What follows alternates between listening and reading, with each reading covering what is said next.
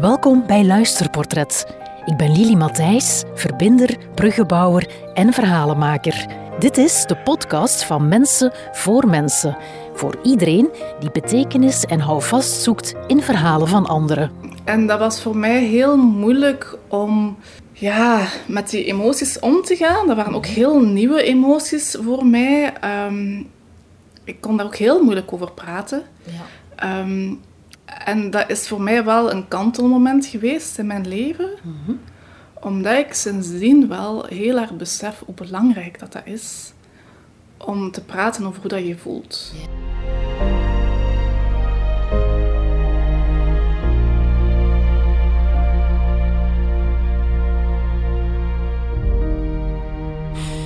Dag Emke. Dag Lili. Fijn dat je er bent. Ja. Um, ja, hè, we zijn zoals altijd samen hier voor de podcast, omdat er een verhaal uh, wil gedeeld worden. Mm ik ben benieuwd welk verhaal dat jij meegenomen hebt. Wanneer is jouw verhaal begonnen? Ja, um, het verhaal dat ik vandaag wil vertellen is eigenlijk begonnen in 2014. Mm -hmm. ik was toen voor de tweede keer zwanger. Um, en dat is niet goed, goed gegaan. Um, ik heb een miskraam gehad toen. Um, en ik dacht in eerste instantie, ik ga daar heel rationeel mee omgaan. Mm ik ga gewoon terug naar het werk. Ik probeer gewoon terug zwanger te worden. maar dat heeft mij wel een enorme klap gegeven. Ja. en dat was voor mij heel moeilijk om ja, met die emoties om te gaan. Dat waren ook heel nieuwe emoties voor mij. Ehm, ik kon daar ook heel moeilijk over praten. Ja. Ehm, en dat is voor mij wel een kantelmoment geweest in mijn leven. Mhm. Omdat ik sindsdien wel heel erg besef hoe belangrijk dat, dat is. Om te praten over hoe dat je voelt. Hoe lang was je toen al zwanger? Um, ik was zo'n twee maanden zwanger. Waardoor dat de, eh, weinig mensen wisten dat ik zwanger was. Ja. Uh, waardoor dat, dat ook niet echt ter sprake kwam. Ja. Um, en, dus zelfs mensen wisten niet en dat je zwanger was en dat je dan nog eens een miskraam Ja, had. sommige mensen wisten dat wel. Um, maar ja, ik vond het voor mezelf al heel moeilijk om daarover te praten. En ik merkte ook bij mensen in mijn omgeving dat mensen dat ook heel lastig vonden om daarover te praten. Um, dan niet goed wisten van oké, wat moeten we hier nu op zeggen? Um, en dat daar ook heel vaak heel um, rationele, goed bedoelde reacties komen van ja, het is beter zo en het lukt wel eens opnieuw en je bent nog jong. vanuit de beste bedoelingen, vanuit ja, de wil om mij te troosten, denk ik. Mhm. maar daardoor had ik het gevoel dat, dat ik niet verdrietig mocht zijn. Dat ik dat verdriet moest wegsteken. Mm en eigenlijk van mezelf, ik vond dat van mezelf ook, hè, dat ik niet verdrietig mocht zijn. Ik herinner mij heel hard dat ik, dat ik um, meteen terug ben beginnen werken, ook al zei mijn gynaecoloog dat niet te doen. Um, dat ik op momenten dat, mensen, dat ik mensen rond mij had, probeerde de sterke te zijn. Mm um, en als ik dan alleen was, dat ik vocht tegen mijn tranen. En dat ik ja, dacht van, dat, dat heel erg heb weggestoken. En eigenlijk is dat dan pas... Ik ben dan opnieuw zwanger geworden ehm, van een prachtige dochter, die dan wel um, helemaal gezond en wel um, is geboren. ik heb pas als, als Kira, dus de jongste, een aantal maanden oud was, dan pas heb ik dat verdriet toegelaten. Mm. Dus ik heb dat heel erg weggestopt. Ik ben toen wel, toen ik opnieuw zwanger was, heel beschermend geweest naar mezelf toe. Ergens alsof ik schuld had aan het feit dat het de vorige keer was misgegaan, dacht ik van ik ga dat nu niet meer laten gebeuren. Wat absurd is, hè, want je bent daar helemaal niet schuldig aan. Ja. Dus ik ben toen wel heel beschermend geweest naar mezelf toe. Ik, ik had het ook heel moeilijk om, om een naam te kiezen voor dat kindje. Um, omdat ik dacht van, dat kan hier toch nog altijd misgaan. Dus op heel rationeel, precies. Mhm, mhm. Um, maar dat, dat, dat was heel onbewust. Ik, ik, ik, daar nooit over gesproken dat ik me op dat moment zo voelde. Um, en dan pas als um, mijn jongste dochter is geboren, wat ouder werd, dan is het allemaal naar boven gekomen. En dan um, ben ik beginnen schrijven. Eh, dat was voor mij een manier om daar dan toch woorden aan te geven, om dat, dat toch een plaats te geven. Ehm, en dan heb ik een verhaal verzonnen. En dat verhaal um, komt nu, ligt nu in de winkel. Mm daar is een boek van gekomen, Altijd Grote Zus. Ja. en dat verhaal schrijven was voor mij heel belangrijk in dat verwerkingsproces. dat, dat was voor mij een soort van therapie, denk ik. Mhm. en nu dat dat verhaal er is, dat dat boek er is, merk ik ook dat er heel veel gesprekken naar boven komen met mensen. Mensen die dat verhaal herkennen, mensen die dezelfde dingen mee hebben gemaakt. Ehm, mensen die zelf zo ergens op een muur zijn gebotst. En, en, daarom hoop ik ook, en ik vind het heel fijn dat dat boek er is, niet alleen voor mijn eigen, voor mezelf, uh, maar ook vooral, ik hoop dat anderen daar dan misschien ook iets aan hebben. Mm, ehm, het is een kinderboek geworden, omdat ik het ook heel belangrijk vond om daar met mijn eigen kinderen over te kunnen praten. Maar als je als moeder al zelf niet goed over je eigen gevoelens kunt praten, dan wordt het al moeilijk om dat met je kinderen te doen. Ehm, dus ja, dat verhaal heeft ook in ons gezin wel wat gebracht. Zo. Daardoor is dat ook heel uitgesproken, heel aanwezig. Weten mijn kinderen ook heel goed wat er is gebeurd. Um, en, en kunnen ze daar ook over praten. Dus dat vind ik ook wel belangrijk, dat dat dat je daar als moeder, als vader kunt over praten met elkaar, maar ook met je kinderen. Mhm. Heeft het boek jou, of het schrijven jou geholpen ook om erover te praten? Want ja, schrijven is nog altijd iets anders dan uh, erover praten. Ik denk dat ik op dat moment um, vooral nood had aan het voor mezelf benoemen en voor mezelf daar woorden aan te geven en daar voor mezelf een ruimte aan te geven. En dat dat voor mij het belangrijkste was. En een keer dat ik dat kon doen, kon ik daar dan ook over praten. Maar voor mij was dat nu niet zo belangrijk om daar met, met zoveel mensen over te praten. Ja, want ik hoor jou hè, daarnet wel zeggen van... Ik, ik, ik merk dat andere mensen nu meer eh, alleen er ook over mhm. praten en, en ook het herkennen. Um, jij gaf ook aan, ik, ik heb er wel over gesproken, maar niet zo heel veel. Nee, Eigenlijk praat ik daar nu veel meer over dan, dan, dan vroeger in die periode. Ja. Dat, toen was ik daar gelijk nog niet aan toe. Mm Je wou vooral sterk zijn ja. in het begin? Ja, ik denk dat ik vooral mezelf moest toelaten om, om verdrietig te zijn en om te rouwen. Door dat verhaal te schrijven en dat verhaal te maken en ook door daar met mijn redacteur over te praten, um, was dat zoiets van: oké, ik, mag, ik mag verdrietig zijn. Mhm. Terwijl ik daarvoor al iets had van Nee, ik mag daar niet verdrietig over zijn. Ja. Dus dat schrijven, er woorden aan geven, heeft jou geholpen om het verdriet toe te laten? Ja. ja. ja. Het verdriet was er wel al voordien, maar je liet het minder toe dan? Ja, ik, um, het was er wel, hè. Um, ik heb dat verdriet vooral omgezet in, in kwaadheid. Ik mhm. was kwaad. Kwaad op mezelf, omdat ik dat had laten gebeuren. Kwaad op andere mensen, ja. Totaal geen impact op hebben gehad. Maar goed, gewoon op het verkeerde moment, op de verkeerde plaats waren, denk ik. Dus ik was vooral kwaad. Ik heb eigenlijk gemerkt bij mezelf dat het gewoon veel makkelijker is om kwaad te zijn dan om gewoon verdrietig te zijn. Ehm, en dan ben ik eigenlijk heel toevallig in een, um, in een cursus verbindende communicatie terechtgekomen, waar dat het echt gaat over hoe kun je je eigen gevoelens benoemen en daarover in gesprek gaan. Mhm. En daar ben ik eigenlijk compleet gecrashed en beginnen huilen. En het was een beetje gênant, maar schat.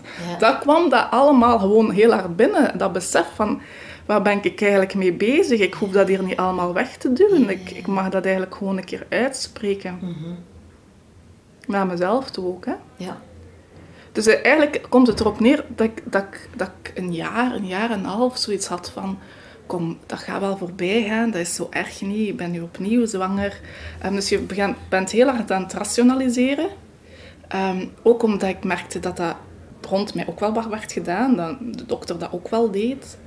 Ehm, en dan, pas als ik dan voor mezelf toeliet om daar echt naar mijn gevoel te kijken, dan ben ik beginnen schrijven en dan is dat allemaal, heb ik dat allemaal kunnen verwerken. Maar dat heeft wel een tijdje geduurd voordat ik mezelf toeliet om, om daarbij stil te staan.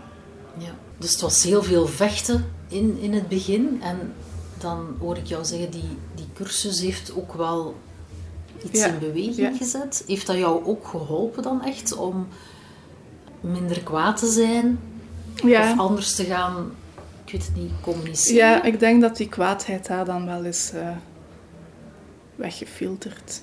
En dat dat dan wel um, een eerste stap was om, om, om daar ook over, meer over te praten. Eigenlijk gaf dat vooral meer inzicht in hoe voel ik mij en wat heb ik nodig. Ah, ja. ja, en daar was het heel mooi ook dat uh, Rosenberg ook zegt dat, je, dat rouw ook een basisbehoefte is.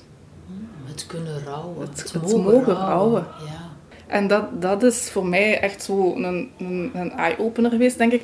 Um, dus voor mij, als ik naar mezelf kijk en de manier waarop dat ik met, met gevoelens omga en, en daarover praat ook, dan is dat echt een keerpunt geweest in mijn leven. Wat ik voordat dat ik dat miskraam had, alles heel erg opkropte en um, voor mezelf hield en niet zwak wou zijn.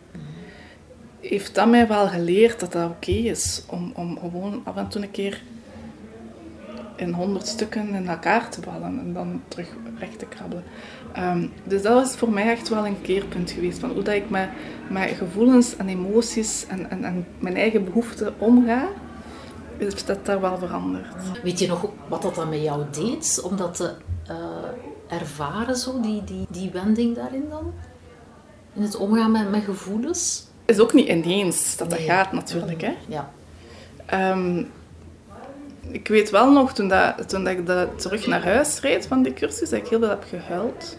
En dat dat dan heel langzaamaan is um, doorgecijpeld zo. Mhm. Ik heb kort daarna ook wel uh, relatieproblemen gehad. Mhm. Ik ben daarna ook gescheiden van mijn, van mijn man.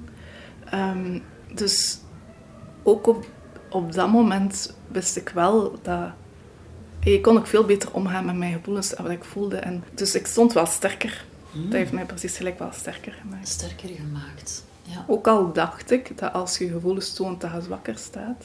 Maar je hebt het ervaren dat dat niet zo is. sterker gemaakt, ja. Mm Herinner je dan nog zo'n zo moment waar je dat heel krachtig ervaren hebt? Van, wauw, dat hier zo uitspreken, dat zeggen, en dat je die kracht ook gevoeld hebt? Ik kan daar zo niet echt één moment op plakken. Ik denk dat dat voor mij een heel geleidelijk proces is gegaan.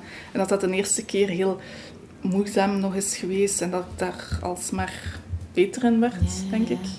Ja, Een soort van leerproces. Ehm, dat door anderen ook gezien werd? Dat je daarin evolueerde?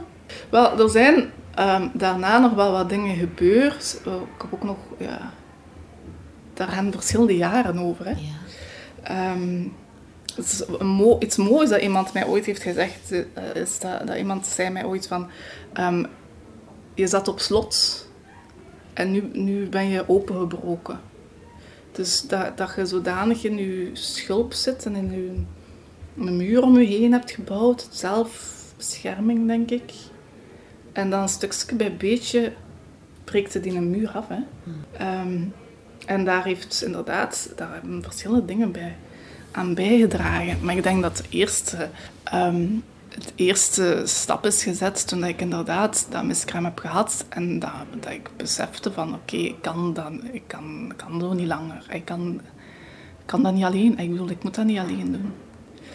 Um, dus ja. Was die verbindende communicatie dat kwam toevallig op jouw pad? Of hoe heb je dat eigenlijk, uh, ben je daar eigenlijk Ja, ik besefte wel bij mezelf dat, dat ik daar heel dat ik moeilijk over emoties kon spreken. Ik kreeg ook wel die feedback van mensen ehm, op mijn werk dat ik heel zo afstandelijk was, ik zal het zo zeggen. Um, dus dacht ik van ik ga daar gewoon een keer naartoe. Dat kwam, dat kwam dan toevallig op mijn pad. Maar misschien was ik, eigenlijk was ook zo gelijk al aan het zoeken naar manieren om daarmee om te gaan. Ik had niet verwacht dat die cursus ehm, ik gevolgd heb in het kader van mijn, van mijn job, dat die cursus die impact zou hebben op een persoonlijk vlak. Ja. Wat een mooi cadeau. Ja. Dat dat dan eigenlijk hè, op, op jouw pad kwam, mhm. dat je dat eigenlijk volgde vanuit een professionele context. En dat jou dat dan ook heel hard in jouw privé geholpen heeft. Ja, want dan ben ik ook gaan kijken van oké, wat, wat heb ik zelf nodig? Dan ben ik meer ehm, gaan schrijven, meer creativiteit toegelaten in mijn leven. En zo is dan ook dat boek ontstaan. Hè? Um, door, ja. Was je al een schrijver voordien? Of is het iets dat, je, dat ook dan ineens op, op jouw pad gekomen is? Nee, ik was een schrijver. Um, ik heb eigenlijk heel veel geschreven toen ik uh, puber was. Um, en toen ik ja, eind de twintig was, is dat gelijk zo stilgevallen. Um, maar ik heb wel heel veel geschreven, ook aan de NIF en zo. En dan viel dat geschreven stil. Over? Geschreven over? Ik heb verhalen geschreven, dagboeken geschreven, um, gedichten geschreven. Um, maar ook heel persoonlijk? Ook heel persoonlijk. Ik verwerkte eigenlijk altijd um, zo persoonlijke gebeurtenissen in een fictief verhaal. Ah, maar ik had daar nooit iets mee gedaan. Ik ben daar nooit mee naar buiten gekomen. Dat, dat, dat was voor mij heel eng om daar mee naar buiten te komen. En dan um, is dat weggevallen. Is dat stilgevallen. Um, en dan plots, in die periode, is dat teruggekomen. Besefte ik van... Ik weet niet, greep ik naar een blad van papier en, en een stilo en begon ik terug te schrijven. Herinner je dat nog, dat moment dat je begon daarover te schrijven? Ja. Ik, ik weet nog dat ik op een nacht in mijn bed lag en dat, dat er een personage in mijn hoofd opkwam en ik dacht van oké, ik ga dat verhaal vertellen in, vanuit het standpunt van, van, van, van, van een grote zus die eigenlijk uh, ziet dat haar mama zwanger is en mama verliest dat kindje. En dat was zo mijn eerste, um, de eerste woorden, de eerste beelden die mij, in mij opkomen. En daar ben ik dan op verder beginnen werken. Um, en dan um, op een tijdje later ook een, een, cursus creatief schrijven gevolgd. Heb ik dat verhaal meegepakt, heb ik daar dan ook verder um, daar rond geschreven. dus het is ook wel gek dat, dat ik tien jaar lang niks heb geschreven. Mm -hmm. En dat de eerste woorden die dan komen echt daarover gaan. Ja. Want hoe oud was je dan? 37. Je zei grote zus. Um, dus je had al een, je had al een dochter, hè? Mm -hmm. Ja. ja. Uh, en hoe oud was zij dan op het moment dat je miskraam had? Um, uh, zij was vier.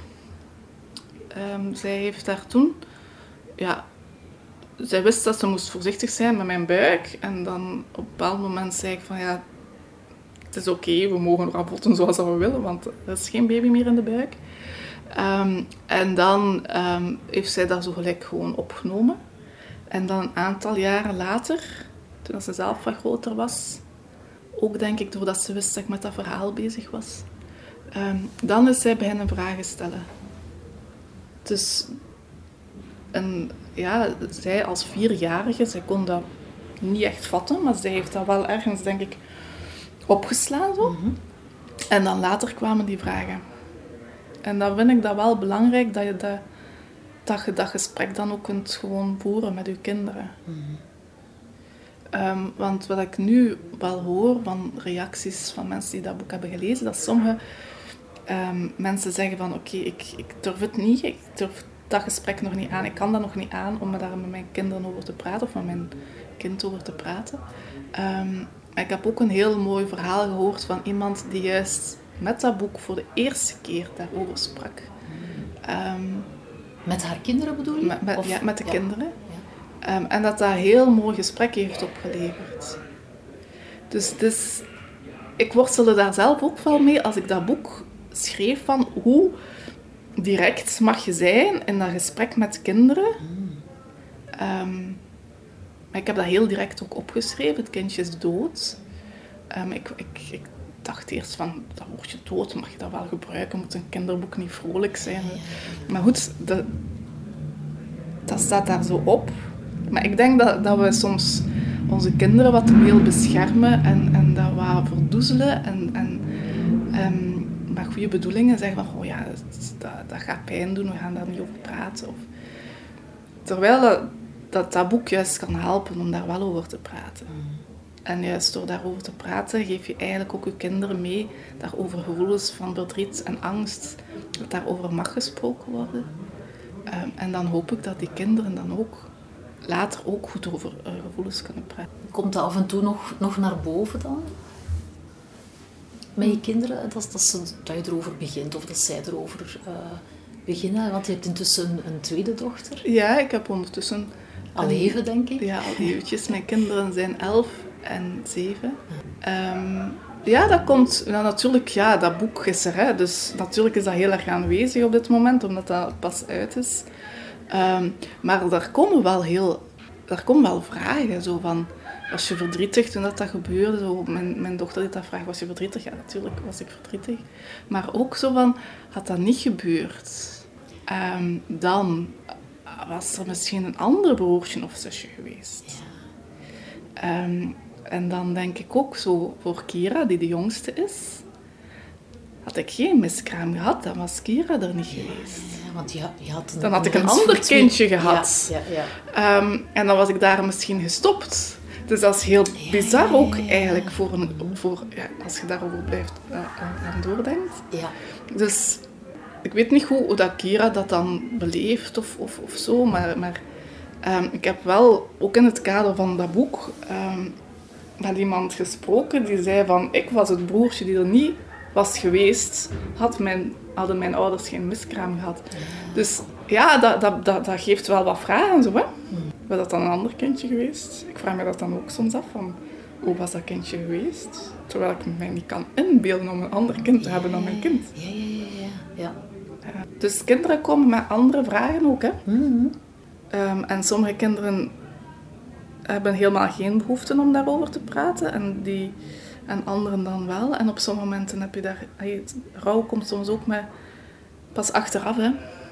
Die vragen komen soms ook veel later. Mm -hmm.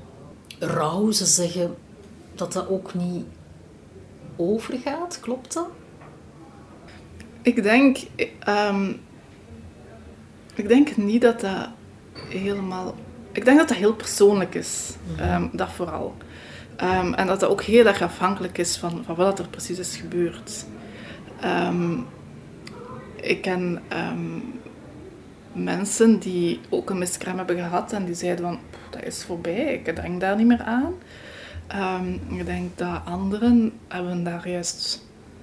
En bij anderen blijft dat, dat kindje heel erg aanwezig in het gezin. Mm -hmm.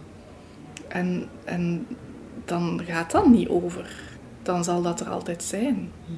Um, nu, het is ook heel persoonlijk, hè, denk ik. Maar ik denk al, een echt rouwproces, dat heeft geen eindpunt. Ik denk dat je op een bepaald moment een, een nieuw evenwicht vindt. Mm -hmm. um, maar dat dat, voor, ja, dat dat er nog altijd is. Dat dat verdriet, dat er nog op bepaalde onverwachte momenten gewoon terug naar boven kan komen. Is dat iets wat jou soms overkomt? Dat dat naar boven komt? Of? Ja. Voor mij komt dat soms heel erg naar boven in de maand dat ze zou geboren zijn. Mm -hmm. um, en in de maand dat het is gebeurd. Ja. Um, dan komt dat terug.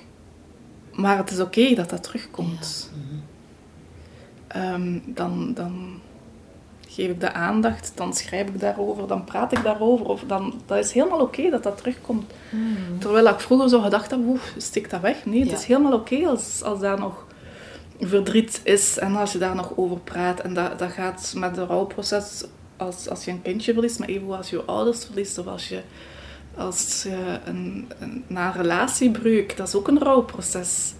Um, dat dat verdriet af en toe terugkomt, dat mag. Mm -hmm.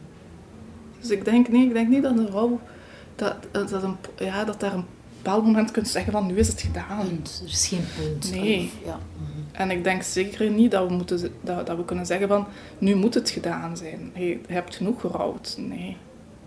Ik denk mhm. dat iedereen daar op zijn manier mee omgaat en op, en op een bepaald moment heb je een nieuw evenwicht gevonden en, en ga je verder maar dat, die herinnering, die warmte, ik zie dat vooral als een, als een, een herinnering, een pijnlijke herinnering, maar ook een warme herinnering. Mm dat, dat blijft. Hè. Mm Herinner je dan nog dat moment dat je, dat je ervaren hebt van, ik vind een nieuw evenwicht daarin? Ja, opnieuw, dat is niet zo één specifiek moment. Nee. Um, wat dat voor mij belangrijk was, um, toen, dat, toen dat het boek er was, dus ik heb dat verhaal geschreven, dan is dat een heel aantal jaren overgaan om daar een boek van te maken. Um, op het moment dat dat boek er was en dat ik dat zo kon tonen aan de wereld, van kijk, mijn boek. Um, en meteen ook iedereen wist wat, wat, wat was gebeurd.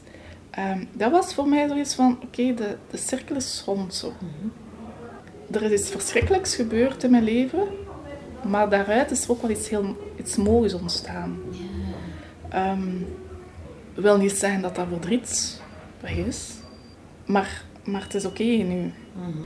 En dus, dus je zegt er is iets moois ontstaan, dat is hoe dat je er nu, uh, nu naar kijkt en, en dat is ook mede dankzij, dankzij het boek. Ja. Ja. ja.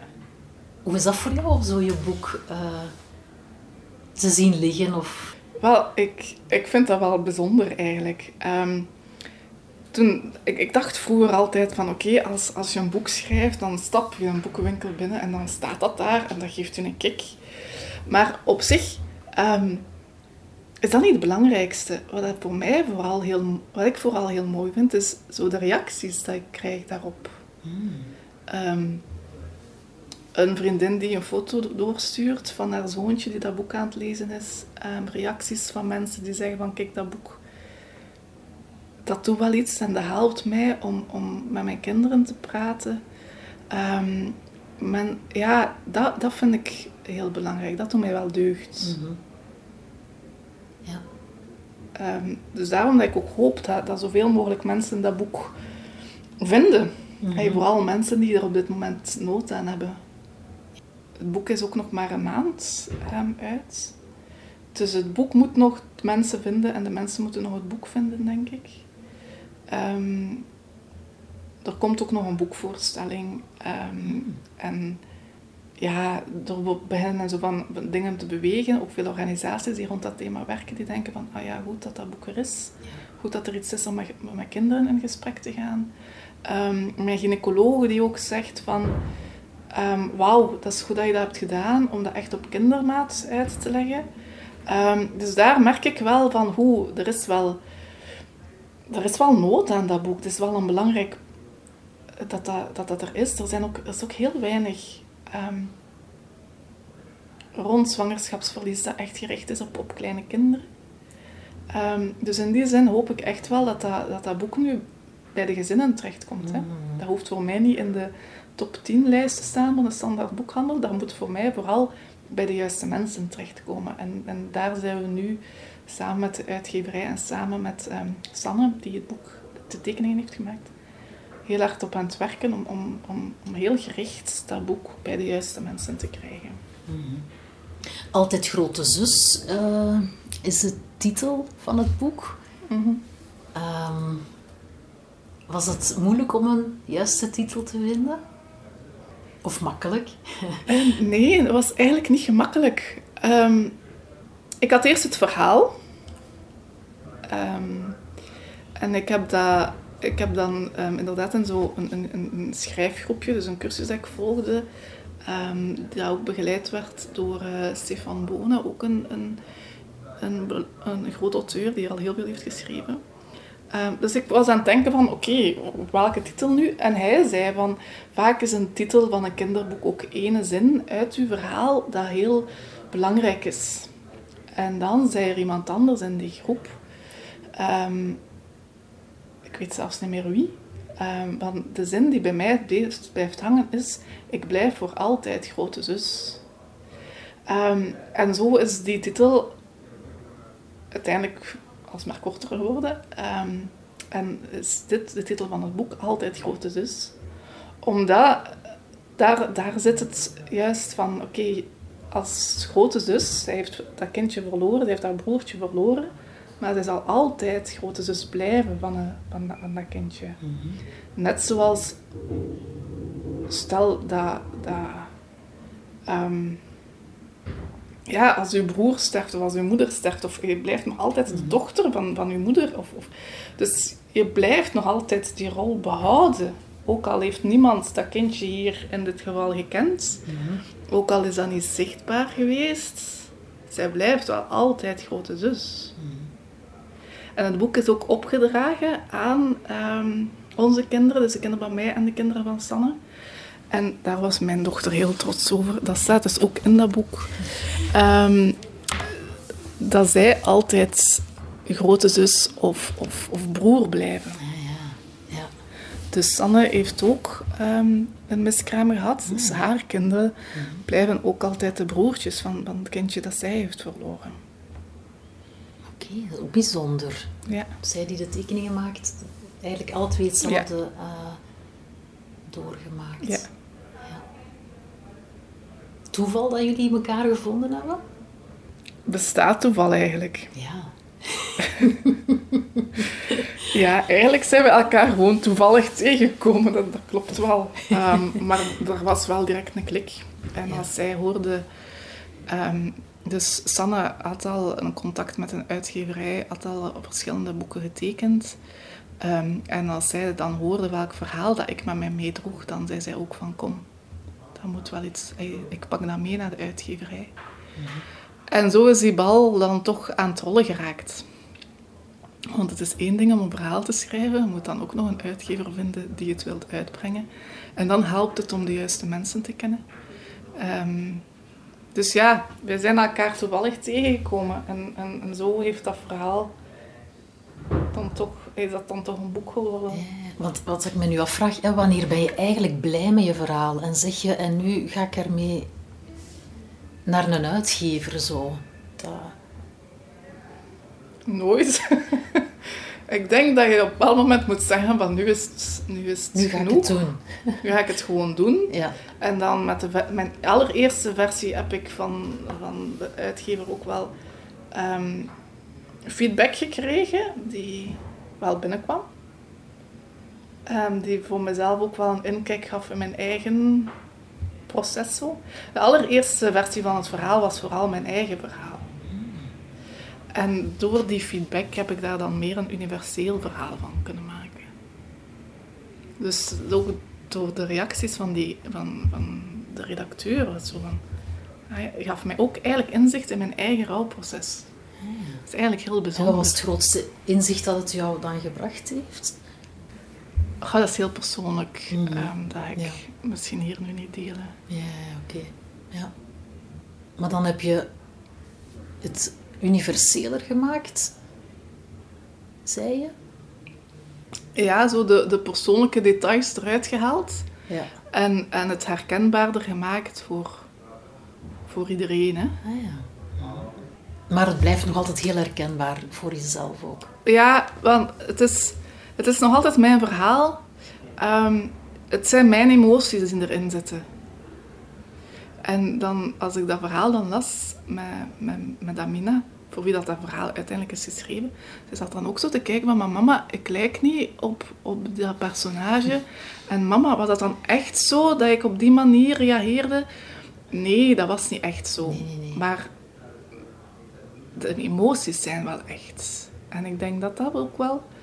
Dus je schrijft een fictief verhaal over... eh, ja, dat is helemaal niet de, de eh, logische weergave van de feiten zoals ik het heb beleefd. Het is een fictief verhaal. Ehm, maar het zijn wel mijn, mijn gevoelens, mijn emoties die erin zitten. Het grote verschil is dat in dat verhaal de mama wel proeft haar gevoelens en dat, dat ik dat heel moeilijk kon. Ja, waarmee dat je eigenlijk ook een stuk mensen wil helpen om, Om het te dan tonen te doen. Dat, Ja. dat dat toch wel ook zijn waarde Mhm. heeft. Ja. Ja. Ja. Dus, dus de wijsheid die het jou gaandeweg heeft opgeleverd ook, heb je ook in je boek proberen verwerken. Ja, zo dat inzicht dat ik zelf had van hoe als, als, als je een kindje verliest, of dat dat nu in de eerste maand, de tweede maand of de zesde maand is van een zwangerschap, of kort na de zwangerschap, hoe dan ook. ehm, je hebt altijd recht om, om verdrietig te zijn, om daarover te rouwen, om je verdomd slecht te voelen. Ehm, dat inzicht is bij mij heel laat gekomen. En ik denk dat, dat in dat boek wil ik wel tonen van oké, dat mag wel. Hè? Je, mag, je mag je echt wel heel slecht voelen daarna. Je hoeft echt niet onmiddellijk terug naar je werk te gaan en naar de orde van de dag. Ja. Ligt er een, een tweede boek in je hoofd klaar? Ja. of is helemaal anders. Ah ja, een ehm, totaal ander thema. Ja, ja, ja. En, maar ook iets dat je zelf meegemaakt hebt dan? Ehm, nee, ik denk... Ik, ik ben um, in die periode beginnen schrijven en ik ben niet gestopt met schrijven. En ik ben op, eigenlijk op twee manieren gaan schrijven. enerzijds verzin ik heel veel verhalen. Langs de andere kant gebruik ik schrijven ook om, om met emoties om te gaan, om dingen bij mij af te schrijven, om heel bewust met dingen om te gaan. Dus ik ben een verwend dagboekschrijver geworden. Um, ik geef daar ook workshops rond, mm rond hoe dat je schrijven eigenlijk kunt gebruiken om sterker te staan. Dus dat is zo één kant van het verhaal. En aan de andere kant heb ik ook echt wel de smaak te pakken van dingen verzinnen en, en, en vluchten. En, en dus ik schrijf op twee verschillende manieren. En ik had dat niet gedaan dat mijn skraam er niet was geweest. Mm. Dus eigenlijk heeft dat mij hoe, hoe hard en moeilijk dat dat ook was, dat heeft van mij een andere persoon gemaakt. Een beter persoon, denk ik. En, en mij ook, ook nieuwe dingen gebracht. Ja. Zo het besef van zorg voor jezelf en, en wees creatief en, en durf de dingen te doen die je wilt doen. Um, dus dat is heel vreemd eigenlijk ook, hoe dat heel pijnlijk is. Moeilijke momenten in je leven nu toch op de een of andere manier veranderen. Wat niet wil zeggen dat, dat ik blij ben dat dat gebeurd is. En ik denk dat dat ook een dooddoener is om tegen mensen die verdrietig zijn te zeggen van oh, gaat er wel sterker uitkomen. Zeker niet doen. Ehm, maar het verandert u wel op een bepaalde manier. Positief of negatief, het kan twee kanten uitgaan. Of beide tegelijk. Ja. En het heeft ook wel dingen hey, kapot gemaakt, om het zo te zeggen. Hè. Mhm. Maar ik, ik, ik uh, zie vooral de fonkel in jouw ogen ook wat het, wat het jou gebracht heeft. Ja, op dit moment, omdat ik hier dat boek voor mijn neus zie liggen, um, het, heeft, het heeft wel veel gebracht ook. Maar het, is ook een heel, een, heel harde leerschool geweest. En soms denk ik van, waarom moet je nu zoiets... Hey, waarom ja, moet, je dat, moet dat gebeuren voordat je beseft dat je eigenlijk um, naar jezelf moet luisteren en dat je gevoelens belangrijk zijn en dat je mag voelen wat je voelt. Eigenlijk is dat zo belangrijk, zou je dat gewoon moeten weten. En zou je die ervaringen niet nodig moeten hebben. Hè? Ja. Mm. Dus voilà. Oké. Ik hoop dat dat boek sommige mensen de dingen... Dat dat, dat ja, dit wat voorkomt. Hè. Mm -hmm. Dankjewel, Emke, voor het uh, delen van jouw verhaal. Dat het uh, veel, uh, veel mag betekenen voor andere mensen. Ja, Altijd grote zus. Dankjewel. Dank je. Bedankt voor het luisteren. Wat heeft dit verhaal voor jou betekend? Misschien wil jij ook een verhaal delen en anderen mee inspireren? Wist je dat je je verhaal ook kan verpakken en schenken aan iemand? Neem een kijkje op de website luisterportret.be. Het zou fijn zijn als je de podcast volgt en erover vertelt, zodat er nog meer gesmuld kan worden van betekenisvolle verhalen.